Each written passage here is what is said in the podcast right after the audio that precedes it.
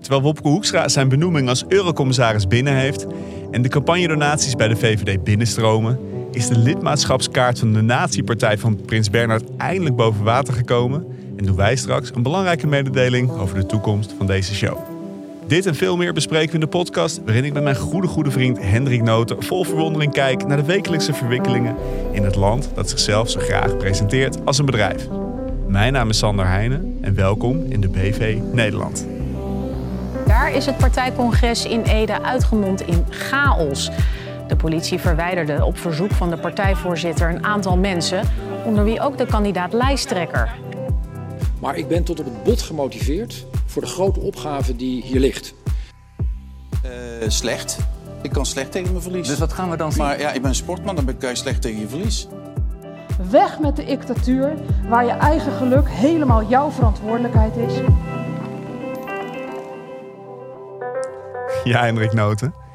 Heb jij wel eens een medewerker weggereorganiseerd nadat hij jou had betrapt op porno kijken op je werk? Oei, oei, oei, oei, oei. Nee, nee. nee? ik heb er wel, nee, wellicht zijn er wel eens relaties opgesneuveld. Oh, vertel. Maar arbeidsrelaties, uh, nee, dat nog nooit. Dat nog nooit. Mijn god. En überhaupt porno kijken op je werk? Uh, nee, daar laat ik me niet te veel over uit. Maar de, ik, ik, ik heb daar een neutraal standpunt in. ja, ja. Alles wat de productiviteit verhoogt, daar ben ik in principe voor natuurlijk. Werk jij veel thuis eigenlijk nog? Ik heb wel eens collega's van mij, die, dat, die zal ik verder niet bij naam, bij naam noemen. Die daar heel openlijk uh, ook over vertelden. En ook uh, omdat dan vaak aan zo'n IT-afdeling tegenwoordig meekijken hè, op je, wat op je, je scherm, wat je doet. Ook via je webcam? wat, wat je ja, dat weet doet? ik eigenlijk niet. En, dat, en dan vertelt hij inderdaad van, uh, ja, nee, uh, ja, ik vind het gewoon, ja, het is gewoon normaal. En als zij daar last van hebben, ja, dan moet je maar niet meekijken. Nou ja, zo kan je er natuurlijk, zo kan je er naar kijken. Het is een nieuwe generatie. Maar dit is even alle gekheid op een stokje natuurlijk. Interessante casus, zou ja, ik wel durven voor, zeggen. Voor wie het niet meegekregen heeft, de voorzitter van NSC, de partij van Pieter Omzicht. Ja. Die heeft nu uh, uh, zijn portefeuille ingeleverd. Hoe, hoe zeg je dat? Zijn voorzittershamertje Zichzelf neergelegd. Teruggetrokken. Hij heeft zichzelf teruggetrokken. nou, dat is zich had afgetrokken. Ja. Uh, hij heeft zichzelf teruggetrokken omdat hij twintig jaar geleden een arbeidsconflict heeft gehad.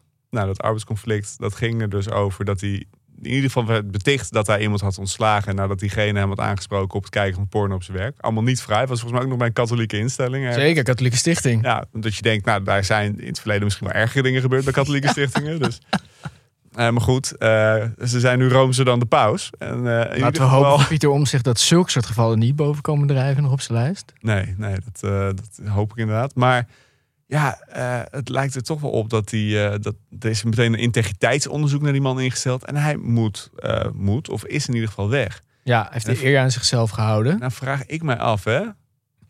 Twintig jaar geleden, een arbeidsconflict over iets nou, waar we best wel grappen over kunnen maken. Maar dat hebben we deze gedaan. Maar is dat iets om iemand nu op af te rekenen? Ja. In zijn huidige functioneren, in zijn huidige positie? Ja, ik denk wel dat dat ja, dat is wel echt een grote vraag die hier natuurlijk uh, boven hangt. Kijk, enerzijds, even vanuit het perspectief van uh, Pieter Omzicht, de, de hele nette route, kan je zeggen, nou, ik ben voor uh, klokkenluiders. Daar heb ik me altijd, heb ik me altijd hard voor gemaakt. sorry. ja, ja. ja, ja. Um, en dit lijkt er wel, dit heeft er een beetje schijn van dat iemand in zo'n positie Oh, dat Ja, iemand eh, in zo'n positie eh, ontslagen is. Tegelijkertijd eh, ja, heeft er schijn van, van iets van twintig jaar geleden. Het laat ook wel zien dat je dus wel mensen wel heel kwetsbaar worden voor aantijgingen van echt lang, lang, lang geleden. Nou ja, het is natuurlijk echt totaal overdreven. Weet je, ik bedoel, volgens mij zijn Jij vindt we- het gewoon overdreven. Ik vind het, ne- nou, sorry, nee, ik vind het nergens op slaan. Als dit inderdaad de reden is en hij daarvan heeft geleerd, laten we er even van uitgaan, en dat hij gewoon eh, dit niet meer heeft gedaan daarna en ehm, eh, gewoon normaal functioneert en integer is en het is een goede vriend volgens mij van omzicht. Ja, het is een van zijn, van zijn hechte vrienden waarmee hij die partij gestart is. Dus laten we er even Ja. van uitgaan dat hij eh, ook iets wil met die bestuurs, bestuurscultuur en daar integer in is. Ja, als we alleen nog maar mensen op posities kunnen hebben die nooit een fout hebben gemaakt. Ja, weet je, dan ten eerste wordt de spoeling dan heel dun. Maar ten tweede, er is ook nog zoiets als de waarde van vergeving en voortschrijdend inzicht. Ja. Dus je hebt een fout gemaakt in het verleden en daar mag je mee door. En misschien is dat een bruggetje naar die NSDAP-lidmaatschapskaart van Prins Bernhard. Misschien moeten we daar toch heel even over hebben. Een wat overspannen bruggetje misschien. Ja, vind je, maar- ja? Nou ja, goed. Het zijn niet helemaal dezelfde soort vergrijpen. Ja, de- want de vraag die je stelt is wanneer, wanneer ja, moet je iemand vergeven en is het ook tijd om door te gaan? Nou ja, als je de redenering van Omzicht nu eh, plakt op eh, Prins Bernhard, ja, die leeft natuurlijk niet meer. Maar ja, die is lid geweest van de nazi-partij. Tot, Blijkt. Tot Ja, dat- 1936. Nou, We we, vermoeden het al, maar we, we wisten het eigenlijk al. Ja. Want er waren al kopieën van de lidmaatschapskaart waren al eh, veel eerder opgedoken. Maar de echte kaart is nu ook opgedoken. En niet op zomaar een plek in een een of ander obscuur archief. Maar gewoon in het archief van het Koninklijk Huis. ja, in het privéarchief. Het is een privéarchief. Dat vind ik wel curieus, maar dat is een zijstapje. Waarom je zoiets dan niet vernietigt of zo op een gegeven moment? Nou ja, eh, waardevolle jeugdherinneringen vernietig Ja, je misschien ja? niet. Ja, wat is het anders? Ja, Maar ook niet willen inzien. Want eh, er is een nieuwe eh, biografie uit over Wilhelmina. En daar komt dit eigenlijk uit voort. Hè? De, uit het onderzoek. Die historicus die heeft dit, heeft dit stuk gevonden. En hij heeft ook de rest van zijn leven heeft hij warme vriendschappen gekoesterd met, eh, met oud-nazi's. Die tot op het einde lid zijn geweest van die nazi-partij. En dat doet toch een beetje vermoeden dat hij nooit echt heeft ingezien hoe erg het eigenlijk was. Hè? Ja. Hoe, hoe, hoe, je, kan niet, je kan niet het gezicht zijn van de constitutionele democratie. Als je lid bent geweest, denk ik, van een partij die dat helemaal wil afschaffen. Die alle waarden uit de democratie eh, eh, afwees. ja. En, maar goed, da, da- daarom, dus, dus ik weet het, het is overspannen bruggetje. Maar ik vond het toch goed om het eens even... Nou, weet je waar het mij aan deed denken? Er stond een tijdje geleden ook een interview met... eh, we hebben natuurlijk Esther Ouwehand, de hele kwestie daaromheen eh, gehad, wat nog steeds speelt. Zo, die heeft wel echt een... die speelt wel Ja. echt een hard spel. Ja, maar we hebben, er stond ook niet lang geleden een ehm, interview in de Volkskrant met de uh, afzwaaiend burgemeester van Bloemendaal. Ja. En de gemeente Bloemendaal is al heel lang, daar worden ook echt hele vuile, harde spelen gespeeld. Ja, die, die krijgt, die wordt, elke anderhalve dag krijgt hij nieuw integriteitsonderzoek. Precies. boek, en hij had het over integrisme, volgens mij noemde hij dat of zo. Of hij had er zo'n soort eigen term van gemaakt. nou ja, Leuk, leuk. Het is nog niet klaar voor de brede marketingstrategie. Maar het punt wat hij maakte was wel...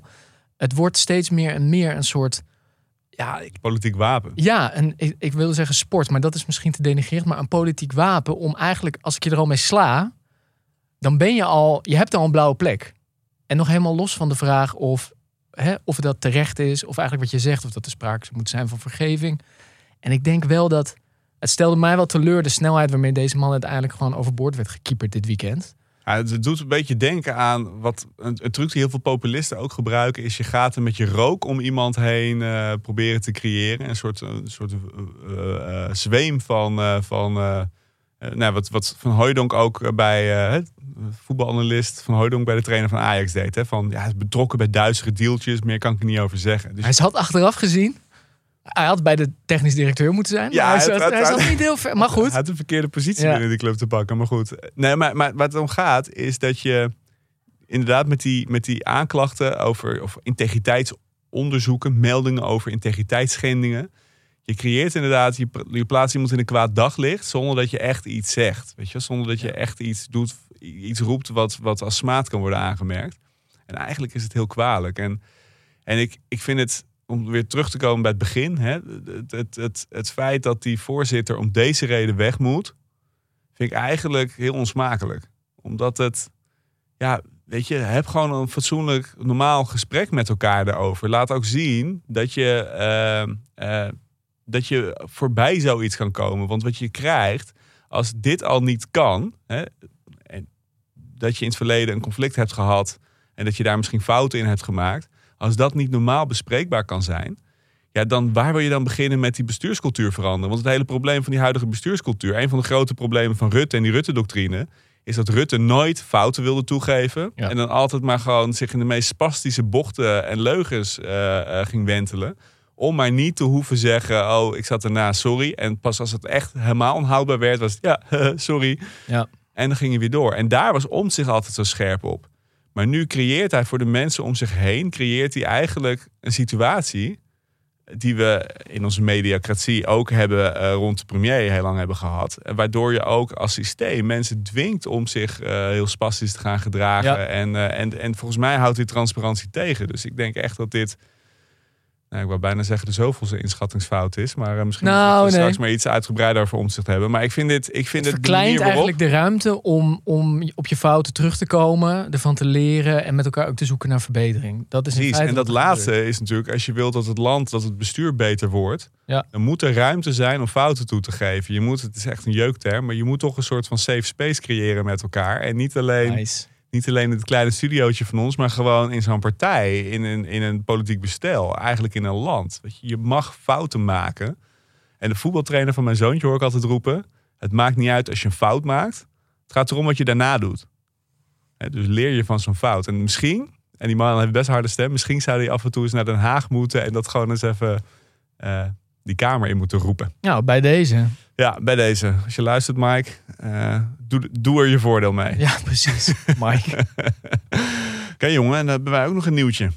Zeker, want per 18 oktober is, eh, zijn wij, BV Nederland, eh, alleen nog maar te beluisteren exclusief via Podimo. Leuk, chic, chic. Heel chic. Ja. Niet meer via de andere open kanalen dus, zoals Spotify of Apple Podcast. Dat is, ehm, nou daar hebben we best wel een tijdje goed over nagedacht, goed over gehad met elkaar. En misschien is het goed om ook even uit te leggen waarom we dit, deze stap nu eigenlijk zetten. Ja. Met z'n tweeën. Dus grosso modo, hè, wij, wij vinden het heel leuk om deze podcast te maken. Maar we steken er ook veel tijd in. En ja, dat is ook gewoon werk. En zoals de meeste mensen vinden wij het ook prettig om betaald te worden voor ons werk. En niet zozeer omdat we heel erg dat geld willen hebben. Maar gewoon omdat we ook hypotheken moeten betalen. Kinderen moeten verzorgen enzovoort. Er zitten kosten bij deze podcast. We zitten hier in een professionele studio, Zeker. camera's. We hebben een hele goede redacteur, Julia. Dus het is allemaal niet gratis om dit te maken, verre van. Precies. En dan zijn er een paar manieren hoe je geld kan verdienen. Eén manier is dat je een donatiemodel hebt. Dat hebben we toen de podcast nog Fantoomgroei heet, hebben we dat een tijd eh, gedaan. En het was hartverwarmend dat eh, toch best een groot aantal luisteraars ons elke maand een beetje geld doneerden. Maar dat is niet voldoende om de kosten te dragen die het ja, dit gewoon kost om zo'n show te maken. Nou, het tweede model is advertenties. Voorlezen. Maar zie jij mij, zie jij mij geloofwaardig eh, een advertentie voor pakweg KLM eh, uitspreken? Nee, nee, nee, nee. En voor een hele hoop andere dingen eigenlijk ook niet. Nee, en advertenties, daar hebben we het over gehad. Dat is gewoon voor ons uiteindelijk een ongemakkelijk model. Wij willen toch onze handen vrij houden om kritiek te hebben op wie we willen. En Maar- zeker ook niet in de laatste plaats op grote ondernemingen vaak. Grote merken. Grote adverteerders. Grote adverteerders ook in de podcastwereld. Zeker. Gokbedrijven bijvoorbeeld. Poeh, Ehm, ik moet de bek niet open. En als wij die route zouden kiezen, dan zou dat toch betekenen dat we ja, een beetje meer onze handen gebonden zijn. Ja, we zijn er gewoon niet meer geloofwaardig. En we willen ook, we willen ook als we iets zien wat goed is of mooi is, bijvoorbeeld de rubriek De Vrolijke Noot. Dat lijkt me een perfecte rubriek van adverteerder om te sponsoren. Zodat het niet meer is waar jij oprecht blij van wordt, maar dat je opeens, Dat ik ervoor betaald krijg. dat jij opeens betaald wordt om ergens blij van te worden. Nou, Ja, zo wij vinden dat dat naar jullie als luisteraars toe, dat willen we gewoon niet. Als wij iets vinden, vinden we dat en willen we daar vrij over kunnen praten. Het kan positief zijn, kan negatief zijn. Dus daarom valt voor ons als journalistieke podcast, waar we het ook nog veel over economische thema's hebben, we kunnen gewoon niet eh, met advertenties werken op die manier. Nee, dus resteert een abonnementsmodel. Ja. En dat is eigenlijk hoe het werkt via Podimo. En Podimo heeft voor ons gewoon een heel mooi model, want er zitten net geen advertenties in. Je betaalt 5 euro per maand. Dan krijg je niet alleen onze show, maar dan krijg je een heleboel andere shows. eh, waaronder toch wel een van onze favoriete shows, eh Dijkhoff en Zegers. Hè, De, de, de, nou, misschien kennen jullie de namen wel. Ja, De, voormalige voormannen van de VVD en eh, de ChristenUnie. Die hebben een show waarin ze wekelijks heel hoffelijk met elkaar het oneens zijn. ja, de net iets beleefdere versie van BV Nederland. Ja, het is Wellicht. net iets netter, hè? Ja. Als je niet van mijn uh, gevloek houdt, uh, dan is het sowieso goed. Nee, om- bij Gert-Jan Segers, uh, daar wordt niet gevloekt. Daar wordt niet gevloekt, nee, nee, Nee. nee. Maar hij heeft soms wel uh, scherpe observaties over collega's. En die spreekt hij dan heel hoffelijk uit. Nee, het is gewoon een mooie show. En er zijn veel meer uh, shows daar achter de betaalmuur uh, te luisteren. Het is een beetje een Netflix-model in feite. Ja. Dus je betaalt 5 euro per maand. En je kan daar onbeperkt naar uh, heel veel goede shows luisteren. En ja, dus vanaf 18 oktober uh, kan je daar uh, exclusief naar BV Nederland luisteren. En we hopen, we hopen, we hopen dat jullie net zo gehecht zijn aan ons als wij aan jullie. En dat jullie allemaal meegaan. Ja, uh, en om dat iets makkelijker te maken, um, kan je het ook een tijdje gewoon uitproberen. Dat is, op zich, dat is op zich fijn. Persoonlijk vind ik dat altijd heel fijn. Hoe lang kan dat? Uh, als je komende week naar podimo.nl slash Nederland gaat, komende week zeg ik erbij, dan heb je 60 dagen proef. Dat is op zich uh, relaxed, want dat betekent dat je in ieder geval tot de verkiezingen kan je blijven luisteren. Dan kan je dan ook uh, Dijkhoff en Segers bijvoorbeeld uitproberen. Dus dan heb je twee titels, twee politieke titels die je mooi bijpraten over alles wat daar gebeurt. Ja, dus, dus, dus uh, stel dat je na de verkiezingen het helemaal gehad hebt, maar tot die tijd nog het goed wilt blijven volgen, kan je dus nog tot na de verkiezingen gratis naar ons luisteren via. Podimo, via die Ja. link. En dan kan je het daarna gewoon eh, kosteloos opzeggen en ben je klaar. Ja, dit is niet helemaal wat we van de redactie moesten uh, Oh. pitchen. Maar ja, dit, nou ja, dit, kan. Dit, dit, kan. Dit is, dit is dus ook waarom wij geen reclame Ja. moeten maken. Dat past gewoon niet zo goed bij Zo onze karakters. Maar in ieder geval, dat moet wel binnen zeven dagen dan, toch? Nu. Dan heb je die 60 dagen proeftijd. Precies. En daarna heb je ook nog proeftijd, maar minder. Dan red je het niet tot verkiezingen. Kijk. Ja. Nou ja, dat, eh, dat eh, gezegd hebbende, dan denk ik, eh, eh, ja, het is wat het is. Ehm vijf euro, het is een kopje koffie bij een betere koffiezaak. Ja, ja maar En- voor ons wel het verschil tussen dit kunnen blijven doen of, of, stoppen met de show. Ja, Ja, ja, zo is het ook. Helaas, in deze kapitalistische wereld. Dus Ja. hoop op begrip en hoop dat jullie het gewoon lekker gaan uitproberen. En we houden van jullie. Zo is het. Jongen. Zullen we dan nu even een kleine pauze nemen en daarna door met de show? Ja. Alright. Ja, Hendrik Noten. De Woppert deed eh, mondeling examen. Heb je ooit eh, wel eens eh, live op televisie naar een, naar een mondelinge overhoring zitten kijken op die manier? Nee, nee. Ja, niet op die manier. Ik heb met, met stijgende verbazing heb ik zitten kijken naar zijn ondervraging. Ja, ik had, ik had. Ik ga je even een paar fragmentjes laten horen uit die ondervraging. Want viel- viel mij iets op. En kijken ehm, of jou dat ook opvalt. Dit is fragment 1. At the start of the pandemic, I showed insufficient regard for the difficulties faced by some member states. En dit is fragment 2. Und wir müssen darüber hinaus endlich die Subventionen für fossile Brennstoffe beenden. En dan denk je, dit is fragment 3. C'est un grand honneur de me présenter devant cette commission. En wat valt je op? Ja, hij wil in de voetsporen van Frans Timmermans Het is een treden. beetje een mini-Frans, hè? Ja, ja. Ik vind het echt fascinerend. Het is zo'n ongelofelijke consultant. Hij zei ook nog iets in het Italiaans. Dat, eh, Echt waar? Ja, kon ik even zo snel niet eh, vinden. Volgens mij was het wel één zinnetje. En ik vermoed, op basis van de uitspraak van zijn Frans, zijn Duits, dat dat niet beter was. Ja, hij is een Franse uitspraak. Hij heeft een beetje dat Franse accent van zo'n... eh, toch een beetje die net wat beschonken oom... die in zo'n lotto-bar eh, de middag heeft zitten doorzakken. Zo Ja, jij- klinkt hij een jij, beetje. Jij kent ze. Ja, nee, zo klinkt hij een beetje. Maar dit was wel... Ja, waar heb ik naar zitten kijken? In alle eerlijkheid. Ik, ik, ik dacht, wat, wat, voor, wat zegt het over je persoonlijkheid? Dat is, dat is oprecht een gedachte die, die ik had.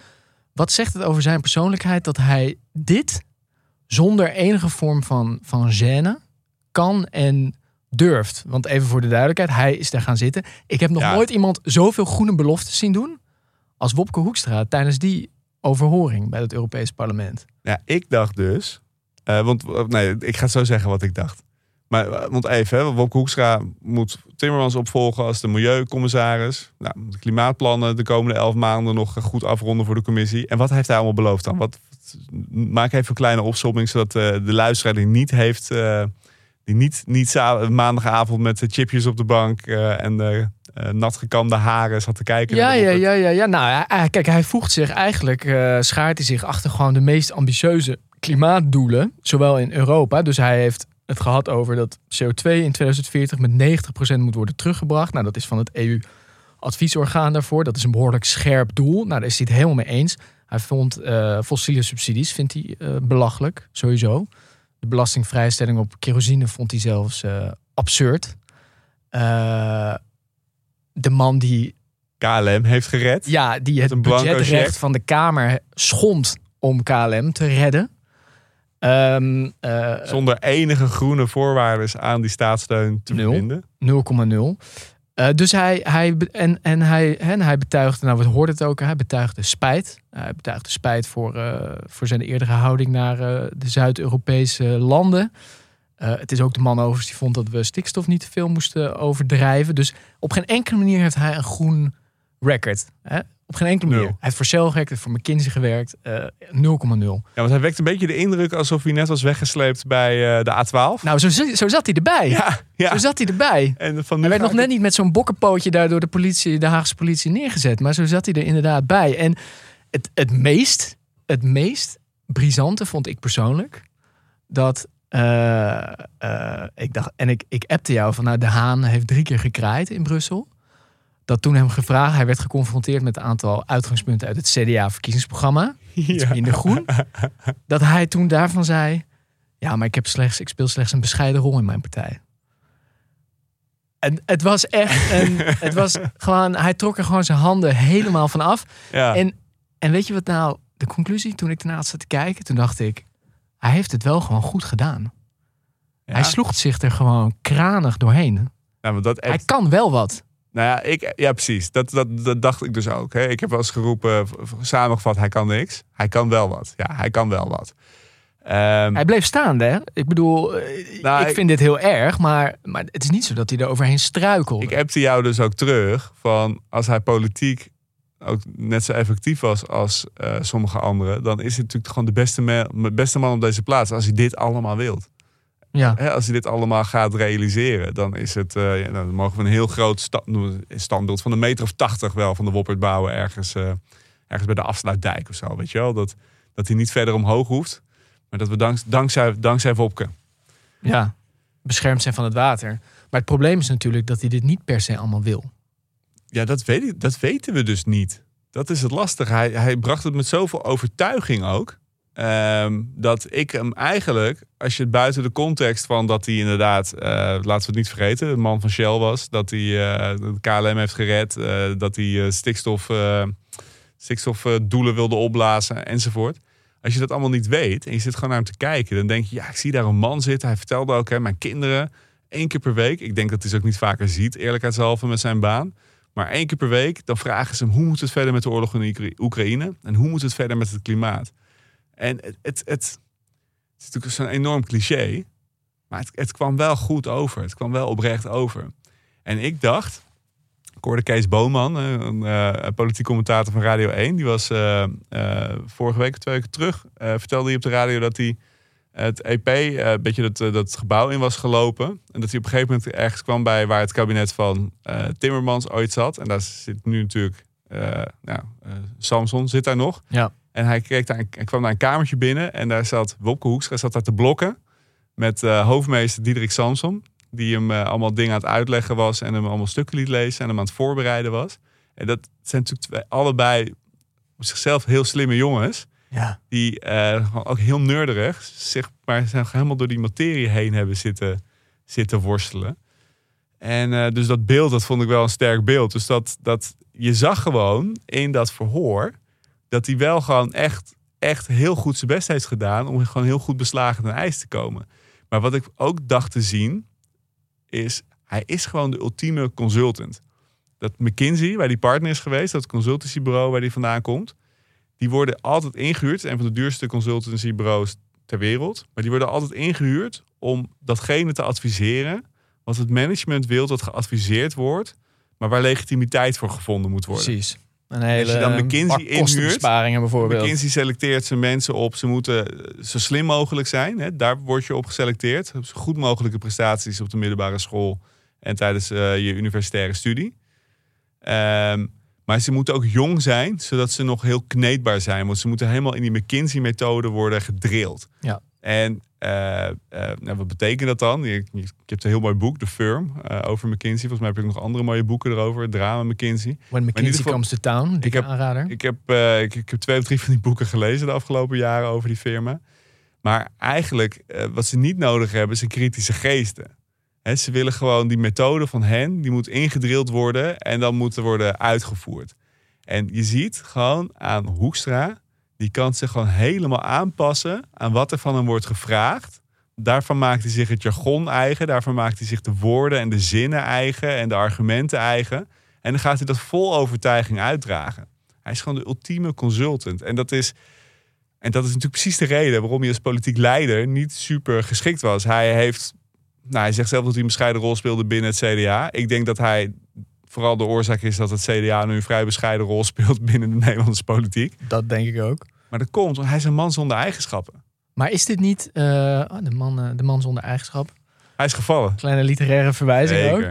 Eh, maar is dit niet dat ook in dit geval ook een beetje het probleem? Want nu moet hij zich door die selectiecommissie heen, heen worstelen. Maar wie is dan straks zijn opdrachtgever? ik vind het persoonlijk ook wel fijn dat de mensen die verantwoordelijk zijn om ons naar dat klimaatneutrale toekomst te brengen, CO2-neutrale toekomst, dat die ook wel een beetje standvastig zijn en dat die Ja. iets voelen bij die dingen. Ja, en, en, en hoe mooi hij het ook kan verwoorden en hoe slim hij overduidelijk ook is, zijn track record bewijst toch wel dat hij dat uiteindelijk niet is. En dat maakt hem denk ik ook altijd dus vatbaar voor wat iemand anders vindt. Of vindt dat hij moet doen. Of Nou, ik blijf ook bij mijn standpunt dat hij niet de gedroomde man is eh, op die plek. ja, Eh, maar laten we hopen dat hij in ieder geval de komende elf maanden nog een beetje dit, deze opdracht vasthoudt. En dat hij daar dan maar het beste van maakt op deze manier. ja, Maar het, het wordt gewoon zo zichtbaar. Eh, en het zegt echt iets over onze bestuurlijke kasten. Want Rutte is natuurlijk ook altijd een man zonder eigenschappen geweest. Hè, Rutte is ook iemand die, die eerst allemaal eigen ideetjes had. En toen hij dacht, eh, toen hij een beetje gecoacht werd over hoe hij nou aan de macht kon komen. Toen begon hij over de Vroom Vroom partij en asielzoekers. En dat is ook helemaal niet intrinsiek wat hij gelooft of voelt.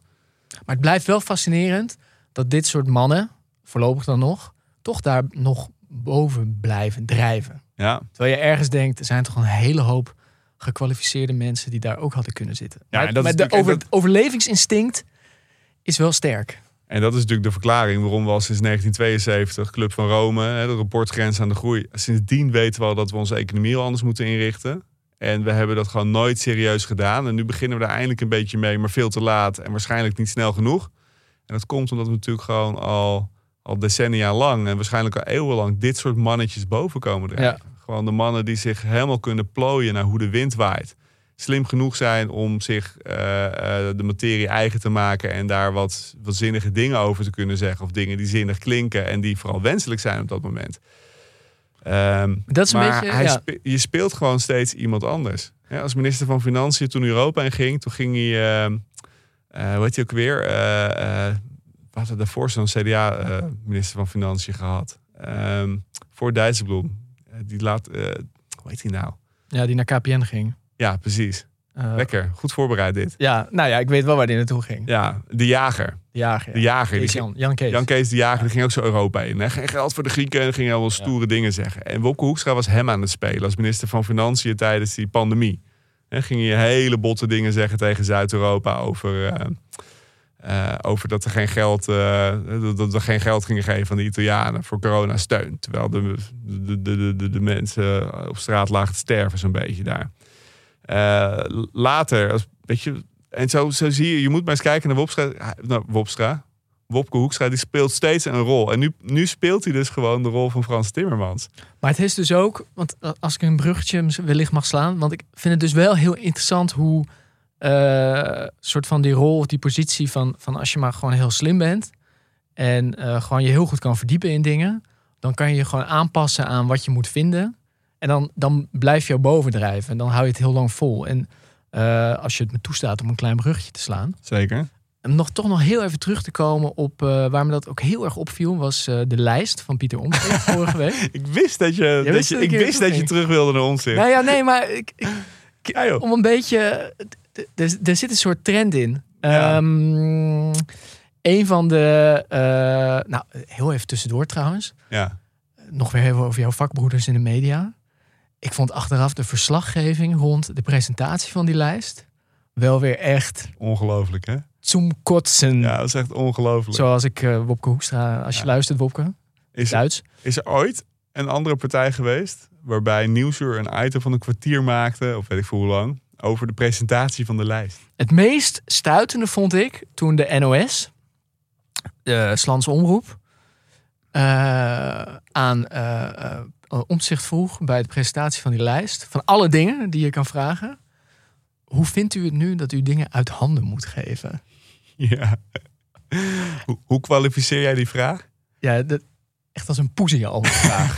dat vind ik echt ongelooflijk. Maar goed, Ja. de, ehm, wat me opviel, eh, een van de opvallende namen was Rosanne Hertzberger. Ja. NRC-columnist. Nummer 17 op de lijst van Omzicht. Ja, en zij schreef een afscheidscolumn. En als je die leest, dan, dan... Kijk, ik zal niet zeggen dat dat ook Wopke Hoekstra is. Niet per se. Maar wat gewoon heel erg opvalt in haar eh, column... is dat zij... Ze schrijft erin waarom... Eigenlijk omschrijft ze waarom ze zich wilde voegen op die lijst. En eh, de oorsprong ligt bij een snuffelstage, zoals ze vertelt... die ze heeft gedaan bij Omtzigt zijn partij. En ze omschrijft een scène, een soort romantisch beeld van dat ze daar binnenkomt, die werkkamer binnenkomt. En dat hij achter een tafel één voor één, zo, zo, stellen, zo staat het er dan een beetje, met een enorme stapel moties voor zich daar eh, zit. En één voor één die moties heel moeilijk zit door te akkeren en af te wegen wat hij daarin moet doen. En dan zegt ze van, ik wil net zo'n inhoudelijk en, let op, en daar zit echt het dingetje, neurderig kamerlid zijn als hij. Ja. Punt. Ja. Dit is, de, dit is de waarom. ja. En dat vind ik dus ook heel fascinerend. Hij is een nerd en ik ben ook een nerd. Hij is Wij heel horen bij slim. elkaar. ik ben heel slim. Wij zijn allebei goed voor de politiek. Ja. Maar wat is daar mis mee? Maar wat wil je dan met die slimheid? Wat, welke waarden vind je dan belangrijk? Wat wil je dan met het land? Dat doet er dan helemaal niet toe. En dat vind ik, ik zal niet zeggen dat het ook een soort consultant instelling is. Maar het is wel een beetje van als je maar slim genoeg bent en je kan gewoon de problemen oplossen, dan komen we er wel met elkaar. Ja. Terwijl het ontbreekt dan Precies, natuurlijk aan. precies, precies wat Rutte eigenlijk altijd heeft gedaan. Al Een beetje als manager Ja, opereren. In plaats van, een, in plaats van een visie neerleggen van dit is wat wij willen. ja. En het veronderstelt heel erg dat het, het grootste probleem is dat we dus op zoek moeten naar de slimste oplossingen met elkaar. Maar Rosanne, eh, die heeft best wel wat kleur bekend in de columns hoor, eh, in de loop Ja, door de jaren. jaren heen, ja. Ja, dus we weten best wel een beetje wat zij wil of wat zij niet wil. ja. En zij wil bijvoorbeeld eh, geen ruimere euthanasiewetgeving. Daar heeft ze wel eens een column over gemaakt. Aan het begin van de pandemie is zij een van die mensen, een van die slimme, slimme mensen, die toen heel erg Maurice de Hond op het schild heeft gehezen. Is dat zo? Ja. En eh, Maurice Hond zat het bleek later toch een beetje naast. Ja, ja, ja, ja. ja, Eh, ja. aan het begin van die eh, Oekraïne-oorlog, heel interessant, wilde zij geen wapens leveren aan Oekraïne. Nee? Ze- Nee, nee, dat was alleen En maar. je merkt, het, ik ben geen dagelijkse lezer. Nee, dat was, ik, ik moet zeggen, ik heb een beetje gegoogeld. Nee, want, want een beetje die lijn, die in Duitsland ook sterk is overigens, van ja, je moet geen wapens naar een conflict, je moet geen, geen olie naar het vuur brengen. Dus als je wapens naar het conflict brengt, dan wordt die oorlog eh, duurt langer en wordt erger. Hè, zo van, alsof, dat, alsof dat argument opgaat op het moment dat een, dat een land dat min of meer democratisch is, wordt binnengevallen door een buurland die dat niet accepteert. Weet je Ja. wel? Van, ja, dus, dus je mag jezelf blijkbaar niet verdedigen. Dus ze heeft best wel scherpe ideeën. En omzicht, eh, maar ook nog weer, ik, ja, ik, ik blijf me er gewoon echt in verdiepen en in over verbazen. Omzicht is bijvoorbeeld heel erg tegen een transferunie. Die wil niet dat er geld van de noordelijke landen naar de zuidelijke landen gaat. Terwijl als je met elkaar, ehm, eh, met elkaar de strategische autonomie, zodat je als Europa in ieder geval eigenstandig nog eh, iets te zeggen hebt over je, over je, over je toekomst, ja, dan is dat gewoon toch onvermijdelijk dat er soms Nederlands belastinggeld naar Zuid-Europa gaat. Net zoals de Zuid-Europese arbeidskrachten naar Nederland komen. En net zoals er Nederlandse producten naar Oost-Europa gaan enzovoort. Je bent, het, het wordt dan altijd heel erg gespind alsof, eh, alsof wij geld aan hen geven en zij er niks voor doen. Terwijl er gaan gewoon middelen, eh, eh, mensen, producten en dus ook centen, die, die gaan gewoon in zo'n Verenigde Europese Unie, die gaan gewoon rond. En daar worden we met elkaar sterker van. Dus, dus al die slimheid, hè, jij maakt terecht een punt. Hè, politiek gaat ook om wat je wil. Eh, en niet alleen omdat je slim bent. Maar je ziet dus, als je gewoon een beetje gaat zoeken in wat zijn dan standpunten die ze in het verleden hebben ingenomen, dat ze met al hun eh, intelligentie toch vaak eh, tot verkeerde conclusies komen. Ja, ja. Mag ik nog een Of voorbeeld? verkeerde conclusies, in ieder geval conclusies die heel politiek zijn. En die misschien, vanuit mijn perspectief, niet de allerintelligentste eh, inzichten zijn. Ja, maar volgens mij dat, want eh, er is nog tijd voor nog een voorbeeld waar ik maar ook zag kom maar deze door, week. Kom maar door. Want het is inderdaad, het- het- de conclusie is dan heel slim, maar het is ook heel politiek. De parlementaire eh, commissie fraudebeleid loopt op dit moment. Ja. En daar hebben we het eigenlijk nog helemaal niet heel Nee, erg wacht, eh, over gaan, we, gaan we het zo over hebben. Nog één dingetje over eh, Rosanne Herzberg. Oh, ja, Had je Geen Stijl gezien? Geen, wat? Op Geen Stijl hadden ze... hadden Denk ze je dat ik daar mijn ogen mee bevuil? Natuurlijk niet. Nee, nou, ik kreeg hem dus wel van iemand eh, anders dan jij een linkje doorgestuurd. Ja. En eh, die, hadden de, die hadden die column van haar. Hadden ze, alle, eh, hadden ze alleen de, ehm, eh, de, de, de, de X en de meis hadden ze, hadden, ze, hadden ze laten staan. De rest hadden ze geschrapt. En dan Jongen, jongen, was die column nog steeds 55 woorden of zo. Flauw. Dus, dus, dus dat hele, hele intelligente en eh, eh, je zou zeggen, je gaat de politiek in voor het land, toch? En je, je kan dan in zijn afscheidscolumn misschien ook iets van een visie Nou ja. neerleggen van wat je wilt. Maar, maar zij, zij op, op hun manier, ik ben geen fan van geen stijl hoor, maar ze lieten wel even goed zien van, het ging wel heel erg om haar. Bij het Net CDA. bij omzicht heel erg om omzicht gaat.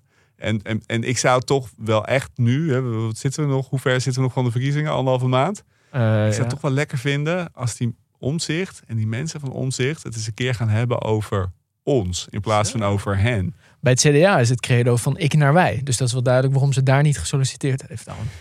Dat verklaart een hele hoop. Ja, maar goed, Die commissie, ja, die eh, commissie. nog even tot slot. Daar werd, eh, dat, dat, daar, daarin zag je dat eigenlijk ook weer terug. Van hele slimme mensen die politiek hele verkeerde dingen gaan doen. Daar was, eh, een, ehm, daar was de verhoren zijn daar nu over waarom is het fraudebeleid zo uit de hand gelopen. En ik vond het zo fascinerend. Er was een eh, consultant, daar zijn ze weer, van Deloitte, werd Ja. daar ondervraagd. ja. En Net één categorietje goedkoper dan McKinsey. Hè? Ja, ja, Ja. maar ook maar een heel klein beetje goedkoper. En eigenlijk was het heel interessant, want die man was geen politicus, dus hij was behoorlijk open gewoon. Hij gaf gewoon echt antwoord op de vragen die hem gesteld eh Ook wel lekker. Het is werden. wel Ja. verfrissend gewoon keer. Ja, het was echt verfrissend. Ja. En het Hij ging, herinnerde zich ook nog dingen. en zo. het ging eh, in dit geval over het algoritme dat gebruikt werd, waarmee mensen eigenlijk werden geflagged als ben je eventueel een fraudeur Ja. of niet. Of eigenlijk, moeten we je kapot maken of niet? Moeten we achter je aankomen, in feite. En wat hij, dat was stuitend, want wat hij vertelde in zijn eh, verhoor, en eh, dit, dit model ligt onder andere aan de basis van een hele, hele, hele hoop ellende. Ja, van die toeslagenaffaire. Mensen die inderdaad ten onrechte zijn aangemeld als fraudeur... omdat ze ergens een foutje hadden gemaakt in een formulier. En vervolgens dan bijvoorbeeld een ton aan de toeslagen moesten terugbetalen. Dat niet konden, door de Belastingdienst eh, helemaal zijn onteigend. Kinderen uit huis geplaatst, enzovoort. Zeg maar, die gevolgen. Die gevolgen. En dat model is dus in één weekend tijd, in drie dagen, door een groep consultants en ambtenaren in elkaar getimmerd. Ja, Het weekend van de ik kroning. wil zeggen, niet zomaar in een weekend. Kroningsweekend. Ja, Is in drie dagen tijd is dat in elkaar getimmerd door die groep mensen. Er is heel weinig verslaglegging geweest over hoe ze dat hebben gedaan. Nul. op basis waarvan. Ehm, en het zou uitgebreid getest worden. Die testperiode is toen uiteindelijk geschrapt. En dat is gewoon ingevoerd. En een van de dingen die hij zei, is van ja, dat model, dat kon bijvoorbeeld helemaal geen onderscheid maken tussen of iemand een fout heeft gemaakt of dat iemand fraudeert. Precies. Je kreeg gewoon een vlaggetje achter je naam. Je bent gewoon aan de beurt. Maar daarna is dat onderscheid en al die nuance en op basis waarvan het model eigenlijk werkt, dat is een beetje gewoon verdwenen in die, in die ambtelijke Een beetje. molen. De volgende ambtenaar, die verderop in de keten zat... die kreeg gewoon een melding dat hier gefraudeerd was. Ja. Ja. Dus die wist niet beter of dat hij een fraudeur ging aanpakken. Dus daar was een ontzettend slimme oplossing bedacht. Door heel veel slimme mensen was dat soort van uitbesteed van ga dit maar doen. Maar de politieke vraag erachter en of het eigenlijk rechtvaardig was en hoe je dat zou moeten interpreteren, et cetera. Die werd daar ook eigenlijk helemaal niet, helemaal niet gesteld. En op de een of andere manier zie je daar weer datzelfde terug. De meest slimme mensen, echt waar, dat geloof ik meteen. Maar die eigenlijk met ontzettend politieke dingen bezig zijn. Die heel veel schade hebben opgeleverd. Maar we hadden daar niet alleen maar slimme mensen nodig. Maar ook misschien ethische mensen of rechtvaardige mensen. Dat is, Of, dat is een nou ja. punt wat Maxime Februari heel vaak maakt. Hè? Dat je, dat je eh, onze wereld wordt steeds meer. Hè, Maxime Februari, de eh, rechtsfilosoof, ethicus. ehm, die zegt inderdaad van onze wereld wordt steeds meer bestuurd door algoritmes. En er zitten zelden, zitten zelden filosofen bij of, of ethici. eh, of überhaupt mensen met andere disciplines dan programmeurs en wiskundigen. eh, eh, erbij om inderdaad dit soort, dit soort effecten uit te denken. Dus hele belangrijke ideologische keuzes, hele belangrijke filosofische keuzes, die worden nu gemaakt door mensen die niet primair bezig zijn met het nadenken over eh, filosofische of ethische keuzes. Maar Ja. die gewoon een opdracht hebben van, nou ja, maak een model dat iets kan voorspellen. precies. En als je een weermodel maakt, is het misschien niet zo erg dat er geen filosoof is aangeschoven. Want ja, je, moet, je moet proberen te voorspellen eh, waar en wanneer het gaat regenen. Nou ja, oké, daar zit misschien een hele grote, et- hele grote ethische component in. Tenzij een luisteraar die wel kan ontdekken. En dan volgende week op terugkomen in deze podcast. Maar als het gaat om het flaggen van fraudeurs. eh, of als het gaat om het eh, voorspellen van, eh, weet ik veel... eh, wie heeft een verhoogde kans op crimineel gedrag... of, of, of, of, het, uit, of het spreken van recht zelfs. Hè? Want daar zijn ook modellen voor, voor eh, mee gemaakt en mee geëxperimenteerd. Van zouden computers recht kunnen spreken? Ja, dat is natuurlijk per definitie zijn dat hele ethisch complexe eh, vraagstukken. Ja. En als je dat aan, aan, gewoon aan programmeurs uitbesteedt die niet worden gevraagd om daarover na te denken en daar misschien ook niet voor opgeleid zijn, ja, dan is het echt inderdaad het einde zoek. Nee, en het verhoogt de kans dat zij hun eigen vooroordelen, en dat is hier waarschijnlijk ook gebeurd, maar het is niet vastgelegd, dus we weten het niet, over wat voor soort mensen misschien sneller frauderen in termen van afkomst, dat ze die ook eerder in dat eh, model gaan stoppen. Dus volgens mij, dit was echt de week van eh, de slimme mensen, waar we wel een klein beetje misschien nog niet zorgen over hoeven te maken, maar oploopt met hun slimheid. Ja, eigenlijk is het een soort technocratisch populisme. Hè? ja, dat was jouw term, hè? Ja, leuk. Ik wil het toch even noemen. Zo van de, de technocraten die zich nu wel wentelen in grote verhalen. Is dat, hoe, wat is technocratisch populisme dan? Nou ja, dus, dus dat ze, dat ze eh, heel erg bezig zijn met. eh, ehm, nou ja, een beetje in het verlengde van jou. Hè. Wij zijn de slimme mensen. En wat jij eh, aan de telefoon wel zei en nu in de podcast niet, vind ik toch een beetje laf van je. Hè, dat er de discussie ook van uitgaat, als het dan rond die lijst omzicht is, van de rest is allemaal dom. Ja, oh ja, nee zeker. Ja. Andere Kamerleden zijn allemaal dom. En die doen domme dingen. En die snappen de procedures niet. En die zijn, dat is allemaal erg. En daarom is Nederland nu kut. En wij zijn heel slim. Dus moet je op ons stemmen. Want wij gaan, op, wij gaan alles slim aanpakken. En wij snappen de procedures wel. En we weten wel hoe de grondwet werkt. En die anderen weten dat allemaal niet en zo. Ja, dus, dus dat bedoelde ik een beetje met technocratisch populisme. Weet je wel? Van we gaan gewoon vanuit die techniek gewoon zorgen dat het allemaal heel goed wordt. En wij kunnen dat. En eh, ja, waar wilde ik eigenlijk heen? Nou ja, dat je dan dus wel vastloopt ook op een gegeven moment. Of dus wel bijvoorbeeld met Wopke Hoekstra kan blijven zitten. ja, Nou ja, dat is zo. ja. Is daar de perfecte man voor. Dus je hebt allemaal slimme mensen zonder meningen. Ja. Terwijl politiek toch ook een beetje, beetje om de mening gaat. Oké. Wat voor soort land wil je? Nog heel twee hele korte dan. Even, nog, even nog, nog meer korte dingen. Weet je, buiten het thema dan nu. Dit was het thema van deze week. Misschien nog even ouderwets populisme. Kom maar door. 50 plus.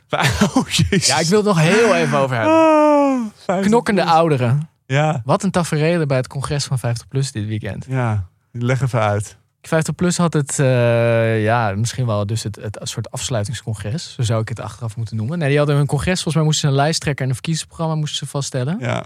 En het is binnen vijf minuten geschorst vanwege ruzie.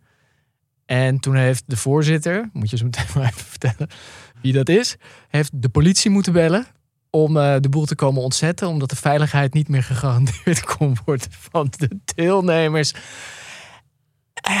Nou, gelukkig had de voorzitter had het nummer van de politie had hij nog. Want hij is ooit, eh, dat was Jurien van de Herik. En voor de echte oudere luisteraars, die weten nog. In de jaren negentig was Jurien van de Herik voorzitter van Feyenoord. En daar was dan ook best wel gedoe met vechtpartijen in het stadion. En dan moest de politie eh, Ja. stevig ingrijpen. Ik zat te denken, die man is wel steeds op het verkeerde moment op de verkeerde plek voorzitter. Dus Kan. had voorzitter moeten zijn van 50 plus toen, het, toen dat in de hoogtijdagen. Eh, maar hij zou nu beter voorzitter van Feyenoord kunnen zijn, want Feyenoord gaat goed. Eh 50 plus niet zo, maar hij heeft het net andersom gedaan. Ik zat Nog te geen denken- verband leggen, maar Ik zat te denken, die hooligans van toen, die zijn God. gewoon met hem meegegroeid. Oh, dat zou kunnen. Die hebben gewoon nooit afscheid van elkaar genomen. nice, nice. En waar hij toen zeg maar de paarden en de, eh, de waterkanonnen nodig had, heeft hij nu aan drie wijkagenten voldoende. Ja, dat dus is ziet wel weer- het leven wordt voor Jurien van der Herik wel Er zit overzichtelijk. groei in. Ja, er zit wel groei in. het zo fascinerend dat zo'n figuur dan weer opduikt en dat er gewoon weer, ook weer gedon. Hoe kan je nou een partij hebben waar je. Ik bedoel, bij, bij Volt was al pijnlijk, hè? Dat er gewoon allemaal rechtszaken tegen elkaar en zo. Dat is natuurlijk al niet lekker. Bedrijvende dieren, hè? al die integriteitskwesties en ook niet lekker. Maar gewoon de politie op je partijcongres. Zie vechtpartij, uit elkaar te halen. Ja, nee. Oké. Ik denk dat we die partij verder ook nooit meer hoeven te bespreken nu, toch? Nee, dat is, dit, was, dit was. Dit is klaar. Circle of Life. Ja, de partij die nog niet helemaal klaar is. Want eh, je had meer klein spul eh, eh, in het draaiboek gezet. De VVD hè, met zijn geldschieters. Ja. Ja, nieuws van vorige week. Ik, wilde, ja, we hadden het natuurlijk al over dat het, het, het verhaal van Jezus werd als dat klassiek liberale verhaal neergezet. Ja. Toen kwam het bericht over dat de VVD inmiddels 1,2, 1,3 miljoen aan private donaties binnen heeft geharkt. Veel meer dan de rest. Ja. Maar wat mij vooral opviel is als je dan kijkt wie daar grote geldschieters zijn. Kijk, bij dat klassiek liberale dan denk ik van inderdaad de waarde van ondernemerschap en zo.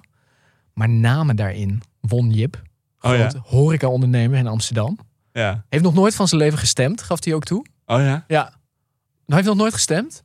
Maar hij ziet het land nu wel naar de, naar de haaien gaan. En dan geld doneren aan de VVD is dan de enige manier om het land te redden. Ja, want, want jij eh, je Ja. zegt hij heeft een imperium gebouwd op gesubsidieerde arbeid. Nou ja, kijk. Ja, dus Won Jip, de oprichter van Otto Uitzendbureau. Oh, heeft hij dat ook op? Nee, dat is eh, Oh. Van Gol. Maar die Ja. is ook een van de geldschieters. Eh Zadelhof is een belangrijke geldschieter. Een eh, vastgoedmagnaat. Dit zijn allemaal mensen die linksom of rechtsom... Dit zijn niet de, de oprichters van ASML, weet je wel? Dit zijn allemaal mensen die heel erg... Het zijn niet zo, zulke slimme mensen. Nou ja, ze zijn niet zo slim als eh, Wopke Hoekstra of Rosanne Hertzberger. Dat durf ik wel te zeggen. Ja. Maar bijvoorbeeld Won Jip, die heeft heel erg baat bij een superlaag minimumloon. Ja. Daar draaien die horecatenten op. Eh, Otto Uitzendbureau heeft heel erg eh, baat bij dat wij arbeidsmigranten gewoon een slechte huisvesting kunnen flikkeren. En hen dan daar veel te hoge vergoedingen voor vragen. Ja, want daar draaien ze op. Daar draaien zij op. Nou, om over de vastgoedwereld nog maar niet te spreken. Zeg Ja, maar. nee, vastgoedmagnaat, ja, zo'n vastgoedmagnaat, eh, de, de, de, subsidie op de, hoe zeg je dat? De hypotheekrenteaftrek. Nou ja, allemaal dat soort dingen. Ja. Dus, dus je ziet daar omheen dan zo'n groep geldschieters verzamelen... waarvan ik echt denk, ja, is dit dan het ondernemerschap waar die partij voor staat? Moi, heel twijfelachtig. Nee, niet moi. Ja, dit is het ondernemerschap waar die partij voor staat. Klassiek dat is gewoon, liberalisme. Dat is gewoon klassiek VVD. Dat is gewoon, dat is gewoon echt het grote probleem van die partij. En die partij die wordt, wordt toch heel erg eh, eh, gerund door mensen die niet wezenlijk weten wat liberalisme is en waar het ooit voor was. En die eh, zich heel snel heel erg verongelijkt voelen op het moment dat ze hun zin niet krijgen. Het zijn gewoon grote huilenbalken. Ja, Ja, nee, leuk. Goed dat je dat even op een rijtje hebt gezet. ja mooi hè? Ja, en dan eh, wordt het denk ik nu toch tijd. Oh nee, ik wilde naar onze We gaan zo over de tijd. Maar, maar, maar kunnen we het nog heel even hebben over Sophie in het veld? Eh, ja? Voor wie eh, even niet scherp heeft wie zij is. Zij was ongeveer duizend jaar lang de eh, fractievoorzitter van eh, D66 in het Europese parlement. Ja. Maar ze heeft nu te horen gekregen al enige tijd terug dat zij niet eh, meer de fractievoorzitter kan zijn. Want zo'n partij heeft, denk ik, terecht eh, de wens om af en toe te vernieuwen en te verjongen. En dat kun je op zich. Ik kan het begrijpen dat dat teleurstellend is als je daar al lang zit en je baan eh, wilt blijven doen. Maar tegelijkertijd is dat ook het democratisch recht van een partij. Eh, Ah, daar lag het volgens haar niet aan hè? Ja, D66 had de Europese waarden steeds minder hoog in het vaandel oh, sorry, ja, ik, ik verwaar dat dan Nee, daarom. Ja. Dat was, Ja, ja. verwaar dat dan steeds. Ja. Toen werd ze lid van Volt. Toen bleek dat de statuten van Volt je niet in staat stellen. Volt Nederland moet ik zeggen. Als je lang, korter dan zes maanden lid bent om verkiesbaar te zijn. Wat ik persoonlijk een heel logische eh, regel vind. Ja, kan je een beetje opportunisten een beetje buiten de deur houden. Maar pompedidom, dom. Nu is ze toch eurokandidaat voor Volt België.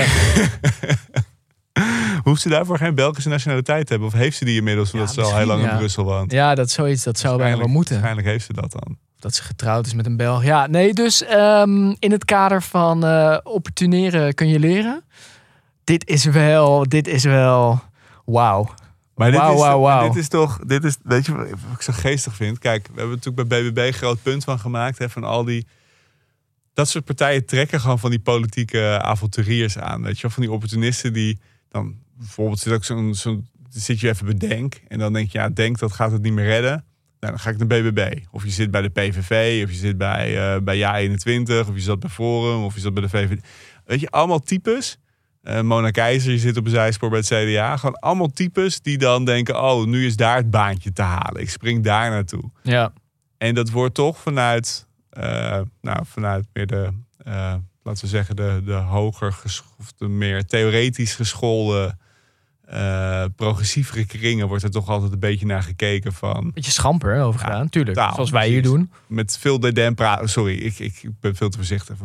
We, praten er met heel veel dédain over. Maar ik vind het zo interessant dat mensen die zichzelf zo graag als het toppunt van redelijkheid eh, en rationaliteit eh, ophemelen, dat dan ook gewoon zo schaamteloos doen. Ja, uiteindelijk wel. Ja, Heel menselijk. ja. Eh, over mensen gesproken, mogen we dan nu naar eh, toch wel een van de, onze favoriete mensen deze show. Jawel, al is het maar omdat ze bij die partij nog altijd de internationale zingen. Het is tijd voor Only Frans. In Brussel zit die Timmermans. Vous insistez, le président et moi, on peut aussi... Dat noem ik de groene gek. Die is helemaal losgeslagen. Die Green Deal is niet een blauwdruk. Maak hem nou niet zo groot! Essere sicuri che nel futuro... Nou, maak hem nog eens zo groot als hij de ruimte krijgt. Dan, dan, dan ontregelt hij nog erger het land als Klaar ooit kan doen.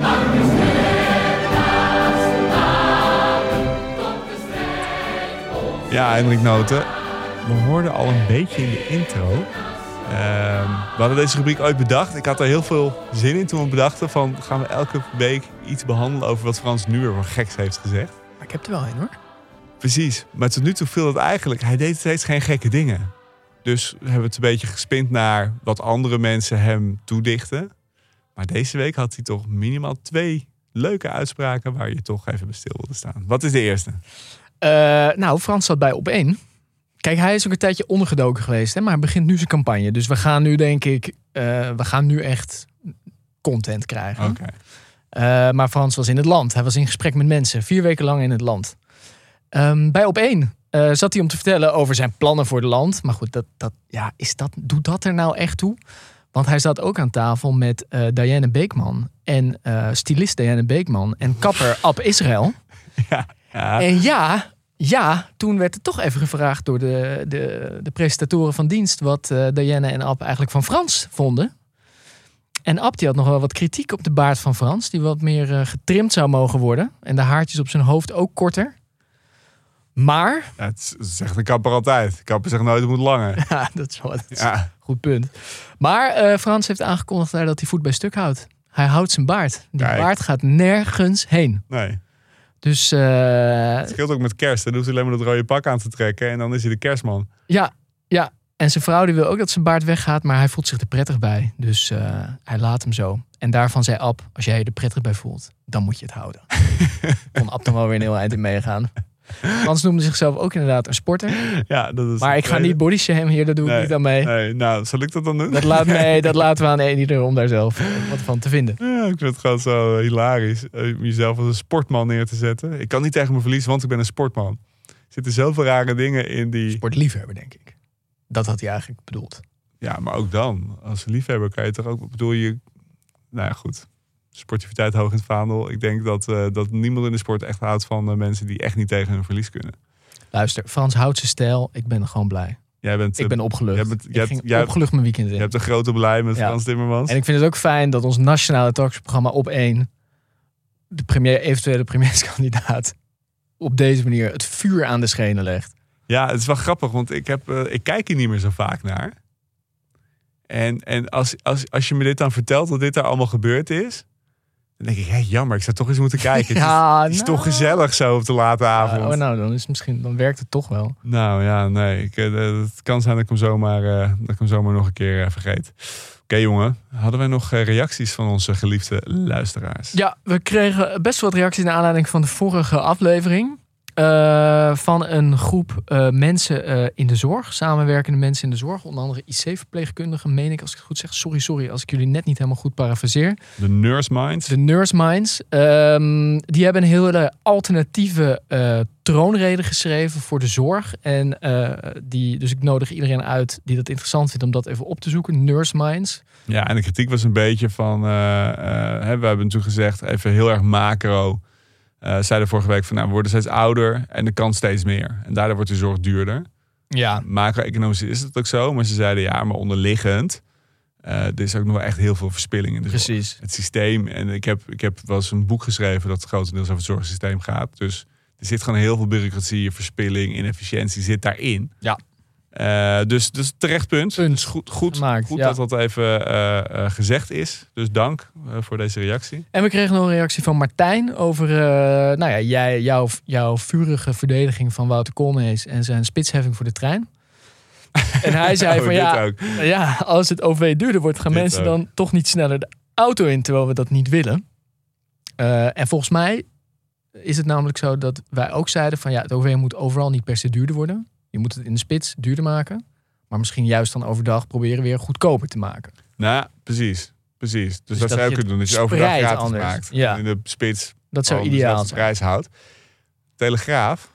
Dat, ik weet niet of het gisteren of eergisteren was. Een deze dagen hadden ze opening. Ik zat ergens bij een afspraak te wachten. En er lag alleen een telegraaf op die leestafel. Dus dacht ik, pak me er eens bij. aha. Die hadden een stuk. eh, eh, en nieuws deze week was, de files worden weer langer. Zijn weer op het niveau van voor corona. Dus thuiswerkeffect is niet meer te zien. We bezitten ook meer auto's dan voor corona.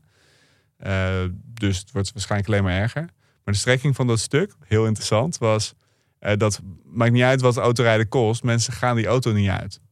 Eh, en dan vergeleken ze een beetje hoe de benzineprijzen waren gestegen steeds. En dat dat gewoon niet uitmaakte. En de, de, de portée van het stuk van de Telegraaf was. Dus we hoeven geen spitsheffing in te voeren voor auto's. Want het maakt toch niet uit. Oh ja.